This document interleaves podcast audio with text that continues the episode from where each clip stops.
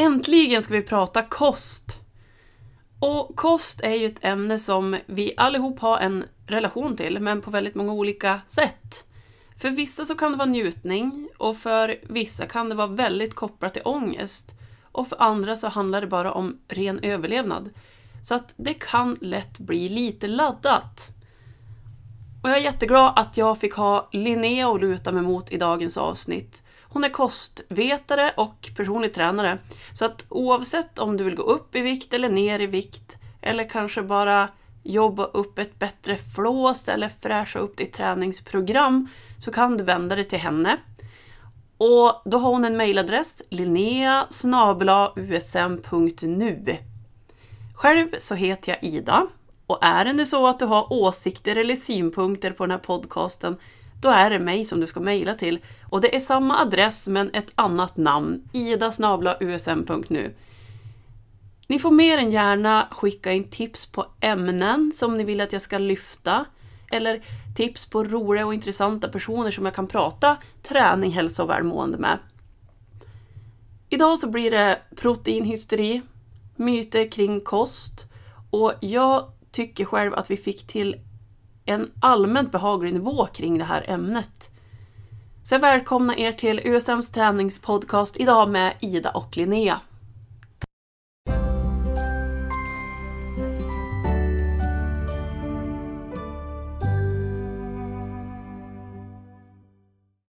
Jo, hur tar man bort skärmsläckaren på telefon? För att eh, jag har ju mina frågor i den här. Jaha, så det inte släcks? Ja, det är såklart att jag frågar dig om Mm. det här för du är ju Vem ska du annars fråga? den jag är- tekniska av oss. Ja, jag kommer att bli det. Jag vet inte hur ni har klarat det innan jag började. Nej, jag vet inte heller.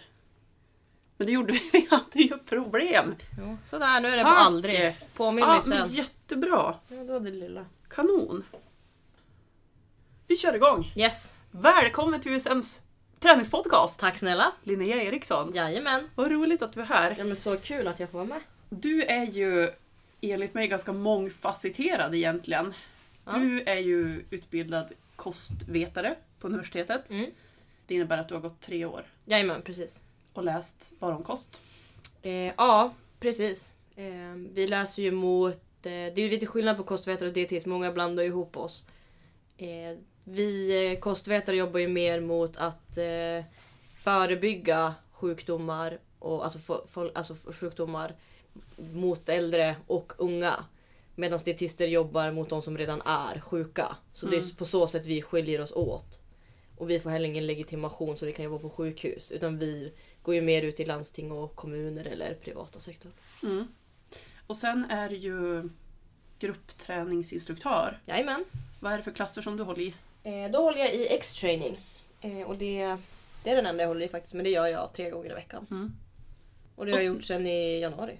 Och så är du personlig tränare. Jajamän. Så att du har ändå ganska många bitar. Ja jag vet, jag står på ett par ben ja. Ja.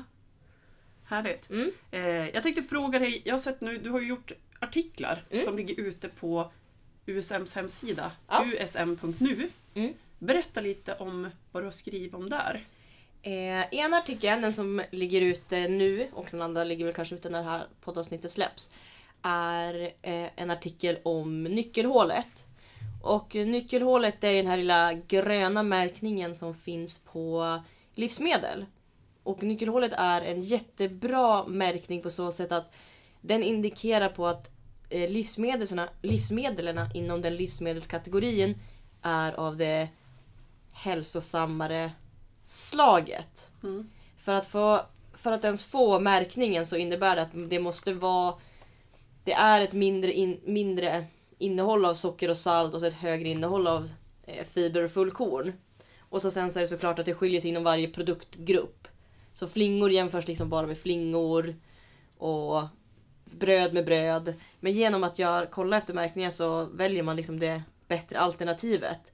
Och det som är så fint med nyckelhålet också det är att det bygger på forskning. Den senaste forskningen om vad, vilken mat som är bra för oss och för vår hälsa för att minska på sjukdomar såsom hjärt och kärlsjukdomar eller typ 2 diabetes. Så det är en grej som man ska egentligen kolla lite grann efter när man är och handlar mat. Ja men det tycker jag. Alltså, det är ett jätte, jättelätt sätt att göra hälsosammare val utan att det är krångligt. Det är bara att kolla efter den lilla märkningen. Då ser man både vid prislappen Eller på förpackningen så ser man om det är märkt med nyckelhålet. Hur kommer det sig att du är så intresserad just kring kost? Är det, har det alltid varit så eller Ehm, vad gjorde att du ville lägga har- tre år av ditt liv och plugga till Eh, nej men jag har nog alltid varit ganska intresserad av både kost och träning. Jag har ju alltid tränat. Alltså, jag spelade fotboll och handboll när jag var liten. Skadade mig när jag gick andra året på gymnasiet. Jag gick i fotbollsgymnasium. Eller fotbollsinriktning. Eh, men jag skadade mig andra året, eller om det kanske till och med första. Bröt jag min hand så då blev jag tvingad att börja träna på gymmet. Och då eh, Sen dess har jag liksom styrketränat istället. Så jag har liksom alltid tränat. Men sen så där när jag var ganska ung så drabbades jag av eh, eh ortodexi. Alltså det blev aldrig liksom kartlagt men alltså i efterhand så var det det. Och det var väl där jag liksom hittade intresse. Det, då var det inte ett intresse. Utan då blev det ju mer att man att jag hamnade lite snett med kost och träning. Eh, och så sen så skapade jag väl ett intresse ur det för att jag ville komma ur det. Och på så sätt har jag ju skapat ett intresse för att komma ur det och då valde jag att eh, läsa till kostvetare också för att liksom bli bredare och få en förståelse och även kunna hjälpa andra som har eller är i samma situation som jag var i. Mm. Kan vi prata lite grann om vad ortorexi är för någonting? Eh, ja, det är ju, eh, nu, har ju, nu vet jag inte exakta liksom begreppet, men det är ju mer, det är ju en sorts tränings och ätstörning. Där man lägger väldigt mycket fokus på eh, träningen och att träningen blir som ett tvång att det måste bli av. Att man känner kanske ångest och det blir väldigt ångestladdat om man inte tränar. Utan att man, man har inte en hälsosam relation till träning helt enkelt. Nej. Och idag så hjälper du kanske, du kanske stöter på ibland människor i ditt jobb som har den här problematiken. Hur skulle du säga att du bemöter de människorna? Eh, Jag har faktiskt inte bemött någon sån hittills. Men eh, det gäller ju liksom att, som på många andra plan, liksom att kanske inte gå rakt på sak. Alltså att man måste ju, för personen i fråga kanske heller inte är så medveten om det. Eller att det kanske är ens sätt att kontrollera någonting annat som är väldigt jobbigt i ens liv. Ibland kan det vara så att man hittar saker att kontrollera om det finns andra saker man inte kan kontrollera. Mm. Så då gäller det att på ett liksom fint sätt kunna hjälpa till där och få dem att förstå att träning ska inte vara något ångestladdat eller någonting som man måste göra utan det ska vara kul att träna. Alltså man ska känna en glädje när man är och tränar. Inte att man inte vill gå hit men man gör det ändå. Man ska gå hit för att man tycker att det är kul. Mm. Och liksom också få dem att inse att det är ju framförallt under vila som vi återhämtar oss. Så att den är ju minst lika viktig som träningen för annars bryter vi bara ner kroppen. Och då blir det ju aldrig någon skillnad. Vi blir aldrig starkare. Vi blir aldrig bättre om vi aldrig vilar heller. Nej. Så det gäller ju att på ett fint sätt liksom låta dem komma till den insikten. Kanske inte egentligen säga sådana saker rätt ut utan ja, men komma med liksom som väcker tankar mer så att man kommer till insikten själv så att de, så att de själva kanske kommer att kommer när de pratar med mig och säger "Men gud jag har kommit på det här att man egentligen bara pytsar ut lite information som väcker tankar så att de själva får tanken att de kanske vill göra en omställning eller att det kanske har gått snett för dem. Mm. För jag kan ju tänka mig det att det, det är ju många, kanske framförallt unga, Mm. ofta tjejer, som kommer till en personlig tränare och säger Du, jag vill ha hjälp med att gå ner i vikt. Och man börjar på att göra sina eh, vad säger man, undersökningar, förberedelser, man kanske tar mått, man ställer sig på en sån inbody-våg, en sån som vi har på USM till exempel. Och så inser man att men shit, det finns ju inget fett att ta här utav dig. Och att man börjar kanske på att misstänka att det finns någon problematik. Mm. Hur bemöter man det? Jag tror också att det blir liksom på samma vis att man kanske får ja men prata, där kanske man får börja prata lite om situationen, vad som så att man liksom kan få en bild av varför man känner att man måste gå ner i vikt eller om, alltså om man kan komma till någon bakomliggande faktor. Att det finns något som stressar eller att man har läst någonting någonstans. Och liksom att, för vi matas ju med information hela tiden. Mm. Det är väldigt lätt att bara ta åt sig den informationen om man inte vet bättre. Mm. Om man inte väljer att vara källkritisk. Så då kanske det handlar mer om att man läs, får information dagligen från media. Som är, man kanske inte ens i början tänkte att man ville gå ner i vikt men sen så läser man det hela tiden. Att så här ska du göra, så här, får, så här gör du. Det är klart att då blir man ju till slut påverkad.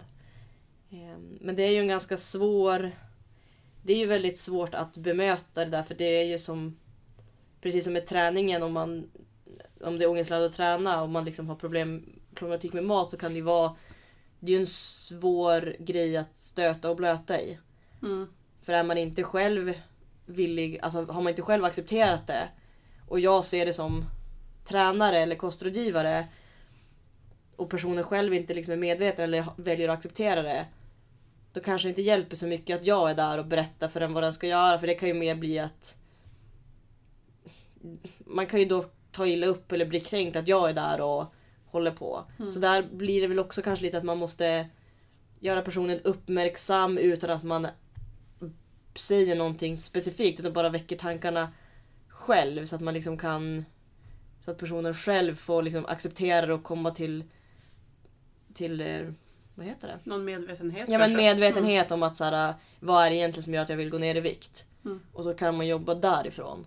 Men jag tror inte att det är ett alternativ. Alltså, sen så, ibland är det det såklart beroende på men att gå rakt på sak det kan nog bli lite för jobbigt för att man är kanske inte alltid medveten om det eller så handlar det om något helt annat som, som gör att, det, att man har den här problematiken. Nej men det är ju sant, vi matas ju med hemskt mycket media till exempel. Det är tidningar, det är tv-program, det är tidningar. Och inför den här intervjun så var jag ute på en välkänd kvällstidnings hemsida. För jag visste ju att jag skulle träffa dig. Mm. Och eh, i tre dagar i sträck så har jag räknat ihop hur många sådana här artiklar, det är väl ofta reklam också, från olika företag som gör reklam om hur du ska gå ner i vikt och hur du ska träna och hur du ska bli av med din artros och så vidare. Det var ju inte mindre än ja, men, tre, fyra per dag. Och då kollar jag en gång om dagen. Mm. Det är ju extremt mycket. Vad har du att säga om det? som du säger, alltså jag ser också det där dagligen. Och jag tycker det är sån där information som blir så farlig att vi matas med. För att media säger ju åt oss att se ut på ett visst sätt. Och ser man det dag in och dag ut. Och liksom det, det är klart att man tror att det är någon sorts sanning. När det är den informationen man matas med. Och jag tycker att det är väldigt jättehemskt hemskt att det är så. För det får ju oss också att tro att vi kanske inte duger som vi är. För att det står så i tidningarna att man ska se ut på det här sättet för att duga. Och det så är det ju inte. Och jag tycker det är hemskt att liksom, det är den informationen vi matas med dagligen. Och många ungdomar ser det där och det är liksom det som formar dem. Och det är inte konstigt att man då får en liten skev kroppsbild. För att tidningen säger att så som jag ser ut duger inte. Men om man säger så här då, vad kan man lita på? Eh, du och jag har ju pratat lite grann om kost inför Mm. den här intervjun som jag ska göra med dig. Då har vi pratat om nordiska näringsrekommendationer Mm. till exempel. Vad är det för någonting? Alltså nordiska näringsrekommendationer det bygger också liksom på forskning som där man ser hur man ska äta inom olika åldersgrupper för att vi ska må så bra som möjligt. Och, eh, och där kan man också se ja, men, att ja, men, äldre kräver ett högre energiintag för att de, eller mer energirik mat ska jag säga. För att de äter ju mindre och på det som de äter måste deras då energi vara mycket högre. Och samtidigt med, med barn som växer måste ju också ha, äta mycket mer än vad de kanske egentligen, alltså mer än deras energibehov är för att de växer. Mm. Men sen så är det så himla, så himla olika. Det är ju olika för kvinnor och män och i olika åldrar. Men det där bygger ju på, alltså, men på forskning som de ser liksom stämmer överens. Och Nordiska näringsrekommendationerna är jättelätta att komma åt. Det kan man komma åt på livsmedelsverket.se. Som för övrigt också är en jättebra hemsida. Eh, Livsmedelsverket. Där kan man läsa om dels nyckelhålet kan man läsa om. Eh, man kan läsa om olika livs, ja, men andra livsmedel, alltså kolhydrater, fett och proteiner. Alltså Livsmedelsverket har liksom, det är en superbra hemsida om man känner att man behöver lite mer information kring men, kosten. Som är lättillgänglig och lätt att förstå. Det kan man tro på. För det är bra fakta som faktiskt stämmer. Det är baserat på forskning då, helt Mm, enkelt. precis. Så det tycker du ändå att det kan man luta sig mot och lita Ja på? gud ja, vi använder Livsmedelsverket och Nordiska näringsrekommendationerna jättemycket i skolan. Det gjorde vi. När vi ändå pratar om livsmedel så skulle Mm. jag vilja höra med dig, hur är det med tallriksmodellen nu för tiden? Är det någonting som fortfarande eh, gäller? Kan man använda sig av den? Det tycker jag. Alltså den är ju en klassiker men den är ju också... Där får man ju med alla delarna. Då är det ju en stor andel grönsaker, vi har kolhydrater, fett och protein. Vilket är allting vi behöver i en måltid. Så tallriksmodellen är ju ändå en klockren grej. För den, även om den är gammal så fungerar den fortfarande. Den håller än idag. Den håller än Ja. idag. Härligt. Du, näringsämnena då? Vi Mm. har ju kolhydrater, protein, fett och så har vi alkohol va? Det är ett enskilt näringsämne. Ja, precis. Berätta lite kring de här. Hur ska man, hur ska man komponera en måltid utifrån de här? Alltså jag skulle säga, alltså jag personligen försöker få med alla tre vid varje måltid. Nu pratar du alltså inte alkohol. Det är inte en nödvändig, eh, ett nödvändigt näringsämne. Nej, alltså inte så. Det är ett näringsämne för att det ger oss energi. Men det, det är inget vi behöver för att leva. Nej. Alltså, vilket vi behöver med kolhydrater, fett och protein. För det, Yes. de har ju alla tre eh, olika egenskaper i kroppen. Alkohol har ju såklart en egenskap i kroppen med, men inte något positivt så. Nej. Som liksom hjälper till. Men så kolhydrater det är ju vår främsta energikälla. Vår hjärna behöver ju kolhydrater för att fungera. Eh, för att den liksom ska gå som bäst. Och vad säger vi då om em, de här dieterna som vill utesluta kolhydrater? Vem passar de för och vem passar absolut inte för? Jag vet inte, jag tycker inte att man ska utesluta livsmedel överhuvudtaget. Nej. För att alla livsmedel eller alltså näringsämnen har sina funktioner i kroppen.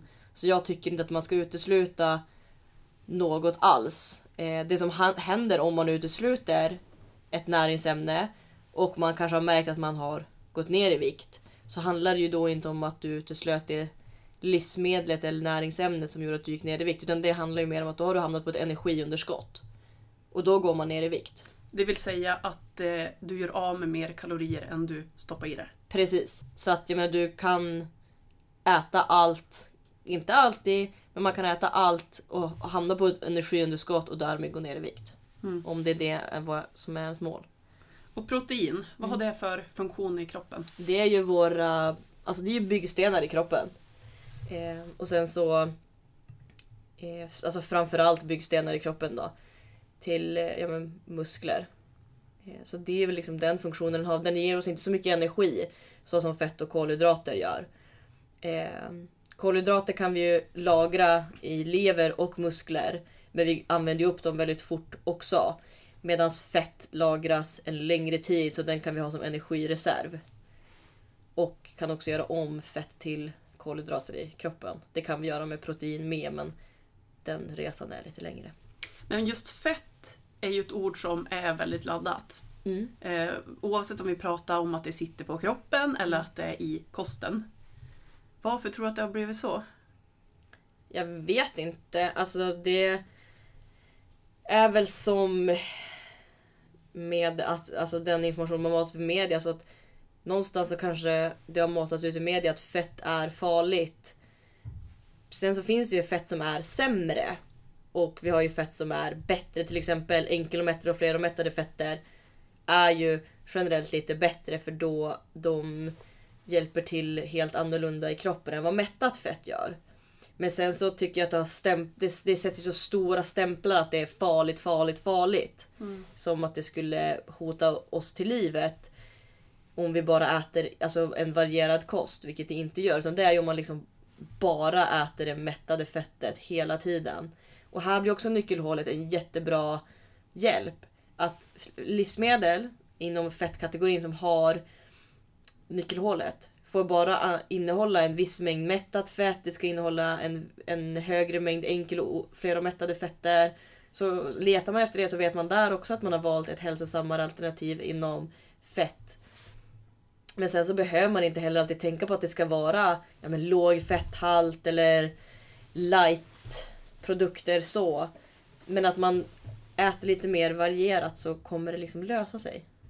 Du, det där med lightprodukter, Mm. det är väl ett ämne som är väldigt omdebatterat va? Mm. Vad säger du kring lightprodukter? Så det, alltså, det är klart att jag äter lightprodukter ibland. Ibland äter jag liksom vanliga produkter. Det, men det har ju som sagt fått liksom att äter man light-produkter då löser sig liksom det mesta. Men det...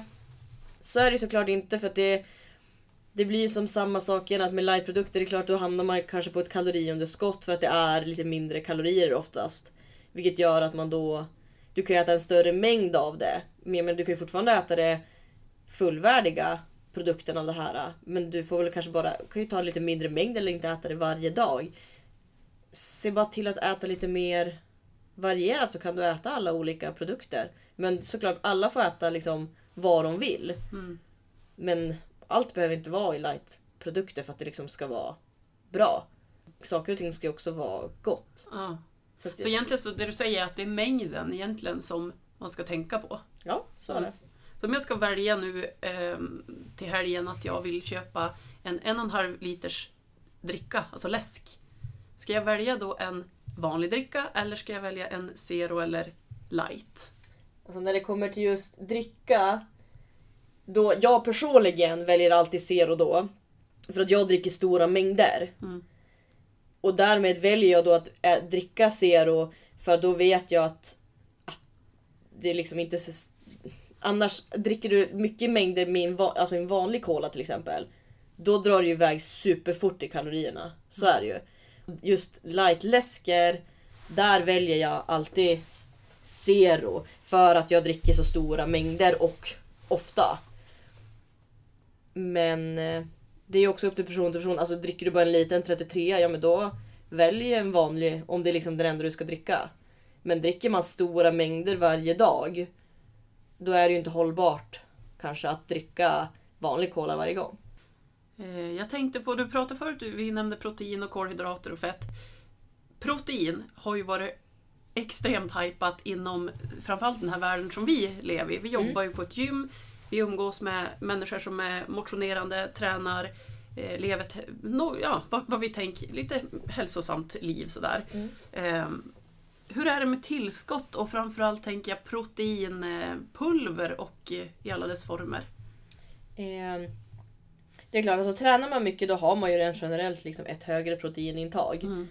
Det skiljer sig kanske inte jättemarkant. Men alltså du behöver ju ett högre tillskott. Alltså eller, eller en högre mängd protein. Och vad är det som avgör det då? Men är det Det musklerna? är ju liksom att det är en helt annan syntes i kroppen. Mm. Och då krävs det ju mer protein. Men eh, sen så är det ju, alltså äter man bara, det är återigen, alltså äter man varierat och kanske tänk, man behöver ju inte mata på med jättemycket mer protein så, liksom att man ska tänka att varje måltid ska innehålla så mycket protein för att det liksom ska bli bra. Men äter man liksom, ser man till att äta protein vid varje måltid så täcker man också sin, sitt behov. För att grejen är ju att i varje livsmedel vi äter så finns det ju alltid med protein, fett och kolhydrater. Även om det inte är ett proteinlivsmedel så finns det ju alltid lite protein. Men det finns ju inga problem med att få i sig tillräckligt med protein. Sen så kan det ju vara så att proteinpulver är ett alternativ om det är så att man vet att man inte kommer äta på, ja, men på jättelång tid efter man har tränat. Men då kanske det, om man inte, nu vet jag inte exakt hur många timmar det är, men ett visst antal timmar innan man ska äta, ja, men då kanske det är bra att slänga i sig någonting. För att man liksom inte, om man känner att det, att man, det är viktigt för en att inte sabba ens träning. Mm. Man behöver inte ha en hets kring att liksom bara trycka i sig protein. Nej. Varierat. Och liksom i huvudmåltiderna ha med fett, kolhydrater och protein så löser sig det. Det finns ju en hel uppsjö av övriga tillskott också. Det Mm. finns ju vitaminer och mineraler och så vidare. Om du tar mig som exempel, som en helt vanlig 33-årig kvinna, eh, motionerar, äter helt vanligt.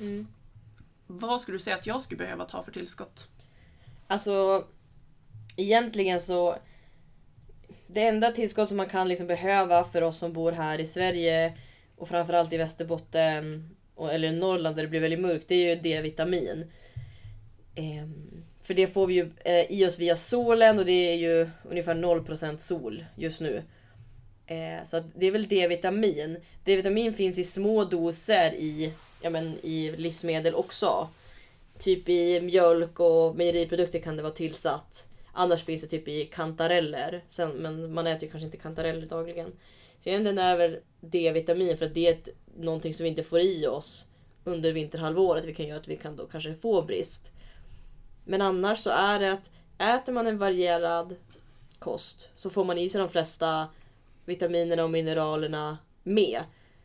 Så känner man att egentligen att det är så att man, att man vill veta då är det ju bättre kanske att gå och ta ett blodprov och få reda på om man har en vitamin eller mineralbrist. För så kan det ju vara att man har det. Men är inte det ganska ovanligt att man behöver tillskott på vitaminer och mineraler där vi bor? Jo men det är det. Alltså rent generellt så är det ju väldigt sällan man har en brist. Men där igen så batas man också med information om att man ska äta vitaminer och mineraler. Mm. Eh, för att det ska bli bra. Men hur är det då med till exempel de som är veganer eller gravida eller äldre personer? Är, är de sådana personer som kanske skulle behöva ta tillskott? Precis, det finns ju personer som faktiskt är i grupper som man behöver. Och eh, Veganer till exempel, Eftersom de inte äter, ja, men, inte äter något från djurriket så måste de se till att få ett B12 eh, tillskott. För B12 finns endast i, i, eh, i animalier och det hjälper till att bilda alltså, röda blodkroppar. Och eh, det kan vi heller inte tillverka själv. Vi har liksom ett lager på B12 som räcker ett visst antal år. Men har man då varit vegan över de antal åren och inte ätit tillskott så kan man få brist. Mm.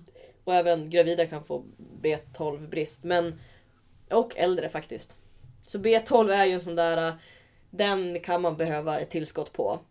Mm. Och gravida behöver ju även folsyra och järn ibland.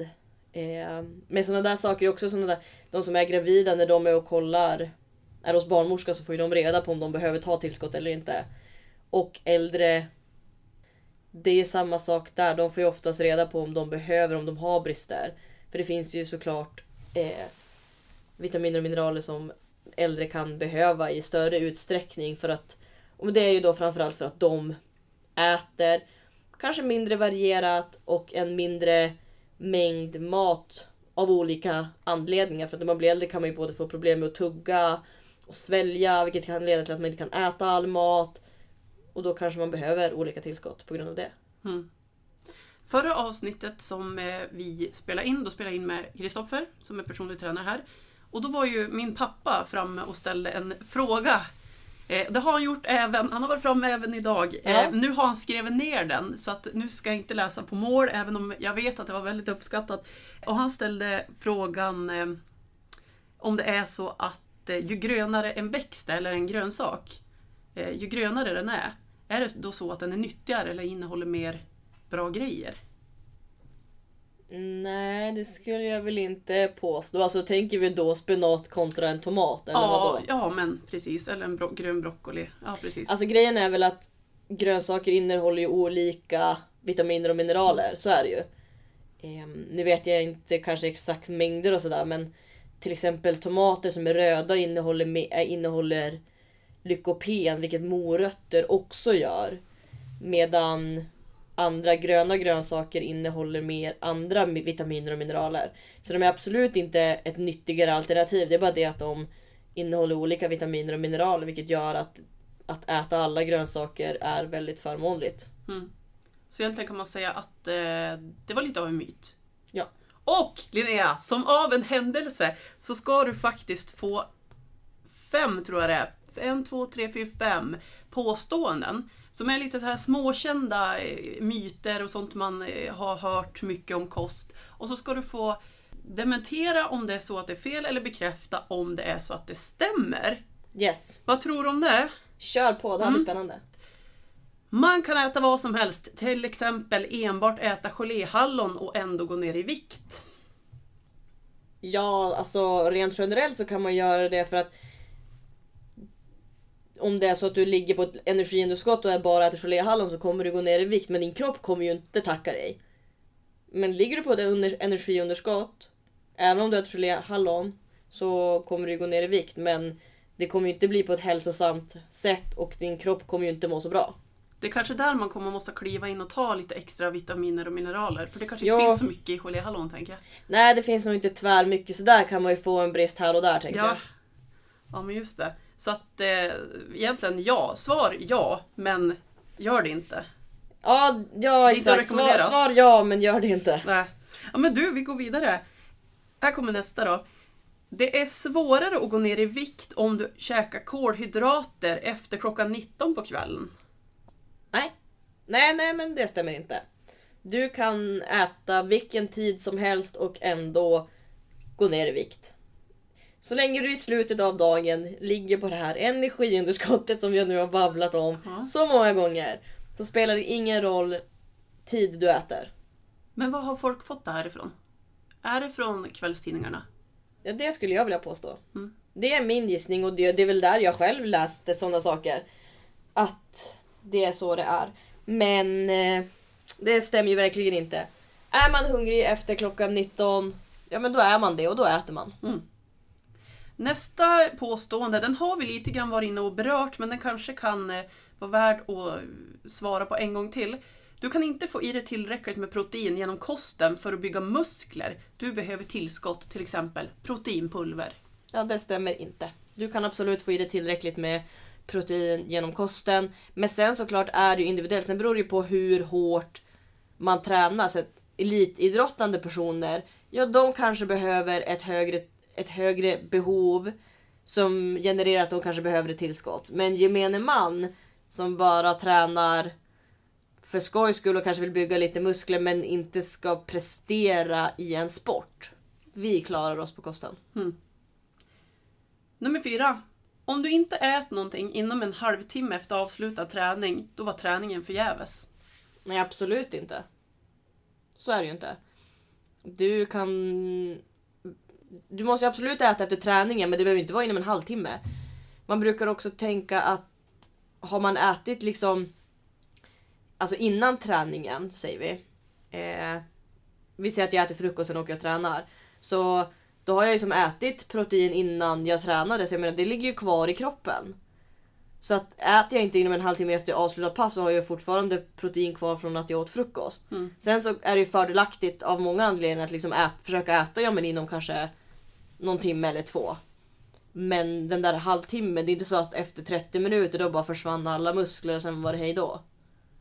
Mm. Det är ju en myt ja. Då tar vi den sista. En effektiv metod för att förbränna fett lättare är att träna först och äta frukost sen. Nej, det är, det är också en myt. Det är ju inte så att kroppen känner att okej men nu var hon ute och gick eller var och tränade så nu ska jag börja förbränna mer fett. In, alltså för att hon gjorde det innan frukost eller han. Att, så, så funkar det liksom inte. Du kan inte få en helt annan fettförbränning bara för att du tränade eh, På tom mage på tom mage. Alltså träningen är ju lika effektiv om du har gjort det på eftermiddagen.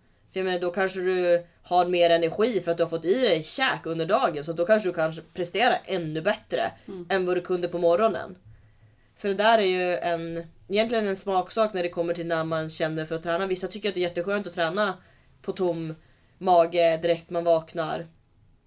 Och vissa vill ju bara träna på eftermiddagen. Men att det liksom att det är bättre att träna på tom mage för att det ökar fettförbränningen så. Det skulle jag säga är en myt. Mm. Ja, men bra, då har vi ju tagit det på fyra och fem då. Ja, Ja. Jag har fått en fråga från en medlem som skriver så här. Hur vet jag hur många kalorier jag ska äta per dag för att gå ner i vikt? eh, ja, då måste man ju... Det finns lite olika metoder att räkna ut hur mycket man då ska äta liksom för att hålla sig i balans. Eh, så det måste man ju först göra då. Och det kan man ju dels göra när vi gör de här inbodymätningarna så står det ju på dem. Men man kan även räkna ut det genom andra metoder. Och det är ju så man måste göra. Man måste helt enkelt räkna ut hur mycket ska man äta för att ligga i balans. Och sen därefter se, ta bort då, beroende på hur mycket man vill gå ner i vikt och hur snabbt och sådär. Men efter det då ta bort så att man hamnar på ett kaloriunderskott. Man måste helt enkelt ta reda på balansen. Och då kanske det kan vara ändå en idé att söka hjälp. Mm. Eh, Ja. För det där är väl ingenting man kanske ska chansa på heller, för att då kan man få ett eh, resultat man inte blir eh, nöjd med. ja men så kan det vara så. Eh, börjar man höfta och sådär om man inte är riktigt insatt då kan det ju bli tokigt. Då kanske man går på de här media rönen och sen så har man uteslutit det ena med det tredje och sen så helt plötsligt så vill man äta allt man ser för att man har hamnat på ett för stort kaloriunderskott. Att gå ner i vikt ska ju inte vara jobbigt och det ska inte vara någon pina. Utan du ska ju kunna gå ner i vikt och känna dig mätt och belåten hela dagen. Mm. Att gå ner i vikt betyder inte att du ska vara hungrig. Nej. Och jag menar, det kanske lätt blir så om man börjar höfta själv och börjar utesluta hit och dit. Då går man och hungrig hela dagarna. Och så bara från ingenstans då äter man allt man ser. Mm. Att gå ner i vikt ska vara hållbart och det ska liksom inte vara ett problem. Så då kan det vara en idé att söka hjälp så att det blir rätt så att man känner att det att man liksom får vara mätt och glad hela tiden så att det inte blir några konstigheter. Jag tänkte att vi skulle avsluta med att ändå beröra det här ämnet alkohol. För det är ju så att eh, genom att dricka alkohol får vi ju snabbt i oss väldigt mycket kalorier. Mm. Och det är klart, vi pratar ju mycket om att man ska kunna unna sig ibland, man ska inte utesluta något, kanske inte förbjuda någonting, men kanske att man ska vara lite grann restriktiv med alkohol just när man vill gå ner i vikt. Eh, precis som mycket annat så i nordiska när- näringsrekommendationerna så finns det ju liksom rekommendationer på hur mycket alkohol vi ska eller kan inta för att det ska vara hälsosamt. Och det satt ju vi och kollade lite grann på för Mm. någon, några dagar sedan. Vad var det de sa där? Det var lite olika för kvinnor och män Det va? är lite olika för kvinnor och män. Men där kan man ju få en väldigt bra indikation på hur, eh, ja men vad som är normalt och liksom hälsosamt. Mm. Och vill man gå ner i vikt så kanske man ska ha koll på det där. Ehm, men som sagt att dricka ett glas vin på en lördag när man vill gå ner i vikt är ju inte, är man ju inte dödsdömd. Det kan ju fortfarande gå in. För jag menar det, du kan ju dricka ditt glas vin men ändå ligga på det här ditt kaloriunderskott och då kommer du gå ner i vikt. Det är ju inte, vinet får inte dig att gå upp i vikt. Alltså, det, är i- det är mängden. det är, alltså, så det är ju mängden, så är det ju. Och det är ju över en lång tid. Det är ju inte så att om man har ett energiöverskott på en dag så har inte vi gått upp i vikt. Precis som att har vi under, energiunderskott en dag går vi inte ner i vikt. Det handlar ju om att det ska vara så under en längre tid som gör att vi då går upp eller går ner i vikt. Enskilda livsmedel kommer aldrig få oss att gå upp eller ner i vikt och det är ganska bra att vara medveten om det. Att det handlar ju om totala mängden i överskott eller underskott som gör om vi går upp eller ner i vikt. Det är ett jätteintressant ämne det här med kost och jag tror att vi har hur mycket mer som helst egentligen vi skulle kunna prata om. Och det kanske vi gör framöver. Vi kanske kör ett till avsnitt. Ja, gud ja. Men jag vill tacka dig för att du kom. det Ja, var men tack jätteroligt att få spela in med dig. Tack själv, vad kul att jag fick vara med. Du får jättegärna berätta lite om hur man kontaktar dig. Om det är så att man behöver lite råd eller man vill köra PT med dig. Hur tar man sig lättast fram till dig? Eh, lättast fram till mig är väl att mejla på linnea.usm.nu. Annars så spenderar jag ju ungefär 90% av min vakna tid på USM. Eh, så att eh, jag återfinns ju även i repan. Eh, men mejla mig så är ni säkra på att ni får ett svar. Jag är ganska snabb på mejlen så länge det är inom eh, 8 till 17 liksom. Mm. Då, är jag, då är jag bra på att svara. Därefter kan jag vara lite, lite flyktig. Ja. Men 8 till 17 då svarar jag ganska snabbt alltid. Och så är de välkommen att testa dina X-training-pass. Ja, gud ja. Onsdagar har jag två stycken. 11.10, 25 minuter. 11.45, 45 minuter. Torsdagar 15.30. Det är alltid ös. Det är kul. Det är allt man vill ha. Så det är bara att komma. Yes. Ja, Men du Linnea, tack så mycket! tack själv.